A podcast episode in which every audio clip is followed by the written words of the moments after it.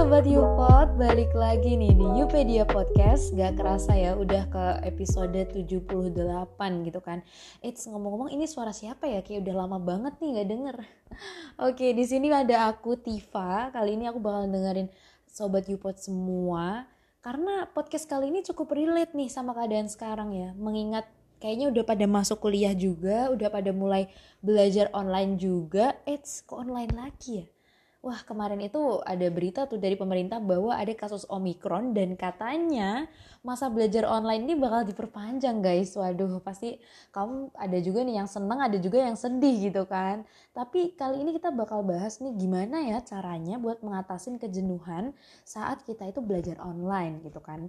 Karena rasa jenuh sama bosan itu kadang datangnya tuh nggak tepat waktu ya sobat Yupot. Apalagi kalau misalnya itu tuh muncul pas kita lagi belajar tuh, apalagi belajarnya online gitu kan. Mengingat pemerintah juga e, memberikan kebijakan belajar di rumah lagi dan secara online gitu kan. Jadi kadang aktivitas e, belajar online ini kadang ngasih efek jenuh, bosen gitu kan. Kadang nggak cuma dirasain dari siswa atau mahasiswa gitu kan, tapi dari peng, tenaga pengajarnya gitu kan, guru atau dosen gitu kan. Kalau misalnya ngajar dari rumah atau online kan pasti mereka juga memiliki suka duka tersendiri gitu kan. Nah, untuk itu kita harus tahu nih, kita harus bisa untuk meminimalisir ataupun mensiasati nih beberapa aktivitas di rumah supaya kita itu nggak jenuh apalagi bosen ya terutama buat belajar. Nah mungkin kali ini aku bakal ngasih beberapa tips mengatasi kejenuhan saat belajar online nih. Yang pertama nih, kita bisa banget yang namanya memainkan musik atau dengerin musik. Kalian suka gak sih dengerin musik? Pasti kalian suka dong dengerin musik kayak di Spotify, YouTube, atau Apple, Apple Music gitu kan. Jadi kalian bisa tuh nyusun playlist yang isinya emang lagu-lagu kesukaan kalian. Jadi ketika kalian sebelum uh, kegiatan belajar, kalian bisa tuh nyetel supaya kalian lebih rileks. Karena katanya nih ya, ketika uh, seseorang itu memainkan musik gitu kan itu adalah uh, sebagai makanan jiwa. Musik itu diyakini mampu menyeimbangkan emosi gitu loh sobat ibu. Kan lumayan kan supaya nggak jenuh gitu kan. Tapi kalau misalnya kalian nggak suka musik kan sukanya kayak instrumen hujan atau instrumen apa gitu juga nggak apa-apa sih. Yang penting kalian enjoy gitu kan.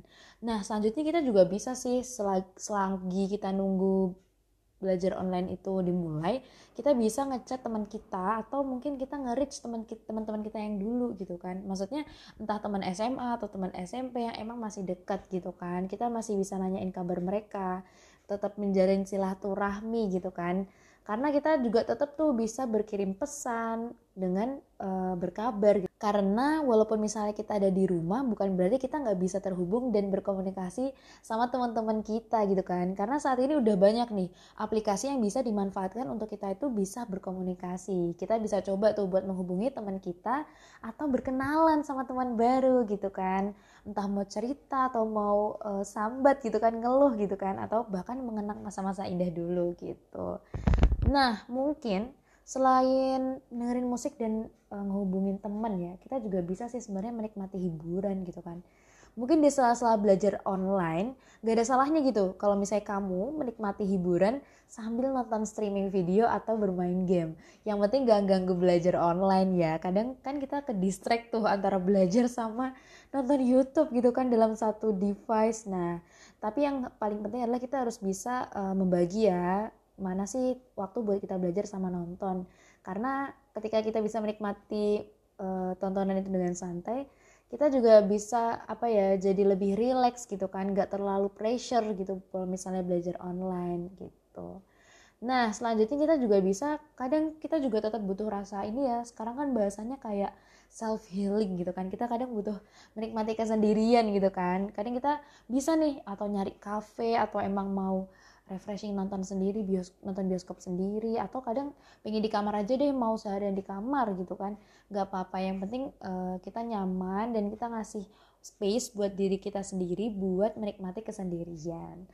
Nah selain kayaknya kalau misalnya ngomongin self healing uh, kayaknya self healing itu bisa bermacam-macam ya. Salah satunya kita juga bisa menekuni hobi itu jadi misal nih teman-teman pengen uh, mengasah skill saat di rumah ya daripada gabut kan setelah selesai belajar atau sebelum belajar kita bisa menekuni hobi kita atau meningkatkan soft skill kita. Entah dari kursus atau uh, menulis atau journaling. Sekarang kan macam-macam ya banyak banget self development yang bisa kita lakuin buat ningkatin uh, kualitas diri gitu kan. Nah salah satunya mungkin bisa menekuni, menekuni hobi atau passion yang kalian suka gitu. Nah tapi jangan lupa nih buat yang namanya istirahat atau tidur sejenak karena cara mudah dan yang paling gampang ya buat menghilangkan jenuh itu adalah tidur gitu kan.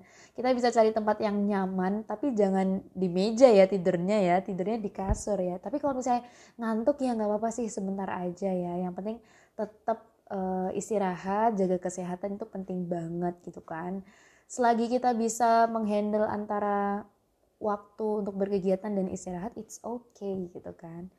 Nah, mungkin tadi aku udah ngomongin self healing, kadang kita emang perlu sih yang namanya kegiatan di luar rumah gitu kan. Karena uh, itu sebenarnya buat refreshing otak aja sih, ya kan? Karena pusing juga tuh di rumah terus belajar kan daripada stres mending kita uh, sedikit liburan gitu kan, sedikit jalan-jalan lah ya sekarang ibaratkan. Nah, mungkin yang terakhir kita juga bisa nih yang namanya planning atau journaling dengan menjadwalkan waktu-waktu kita supaya lebih tertata ya. Karena saat uh, kamu merasa gampang gelisah, gampang sedih atau bahkan kehilangan konsentrasi kita bisa coba nih buat ngeulang buat ulang jadwal kegiatan kita sehari-hari supaya lebih eh, terstruktur atau bervariatif gitu kan. Jadi nggak membosankan gitu.